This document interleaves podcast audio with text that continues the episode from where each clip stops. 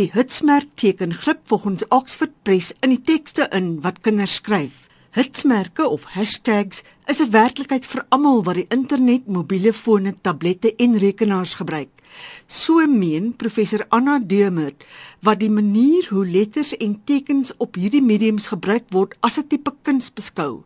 Sy het 'n boek geskryf oor die invloed van internettaal op mense en glo dat dit nie die manier waarop mense praat verander nie. Everyone uses it. I don't think children use it necessarily differently from us. Maybe because children are more active in the digital world, they're more active online than adults, that it's kind of more closely associated with them. But it's clearly, it's everywhere. I mean, it's an advertising signs. Did we all start using it now as we, you know, take our own notes. So I think it has become very much part of ordinary written language. Deemert glo verbruikers kan die toestelle se tekens en letters baie kreatief gebruik. My book is largely about how creative people are when they go online, whether they're children or adults or teenagers, and how they actually create, I call it art, when they text, send text messages, when they write on Twitter, when they write on Facebook, when they're on Instagram or wherever.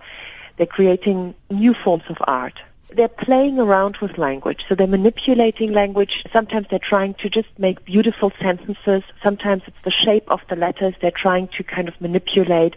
Particular letters are experienced as particularly beautiful or they're seen as very unusual. Die toestel word 'n verfdoek. Die geskrewe is nie net 'n blote weergawe van wat gepraat word op 'n boodskapruimte nie. You create texts which are visually pleasing which are unusual.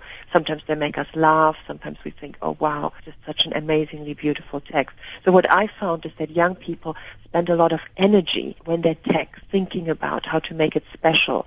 An example is when people do love messages. Love is very important when you're young and you want to express your love. And then often saying to someone, I love you, you don't just write, I love you. But, but people add things. They play sometimes with different languages if they're multilingual. If they're not multilingual, they try and make the sentence look beautiful. Professor Anna Demer, die skrywer van die boek Social Linguistics and Mobile Communication, Mitsi van der Merwe.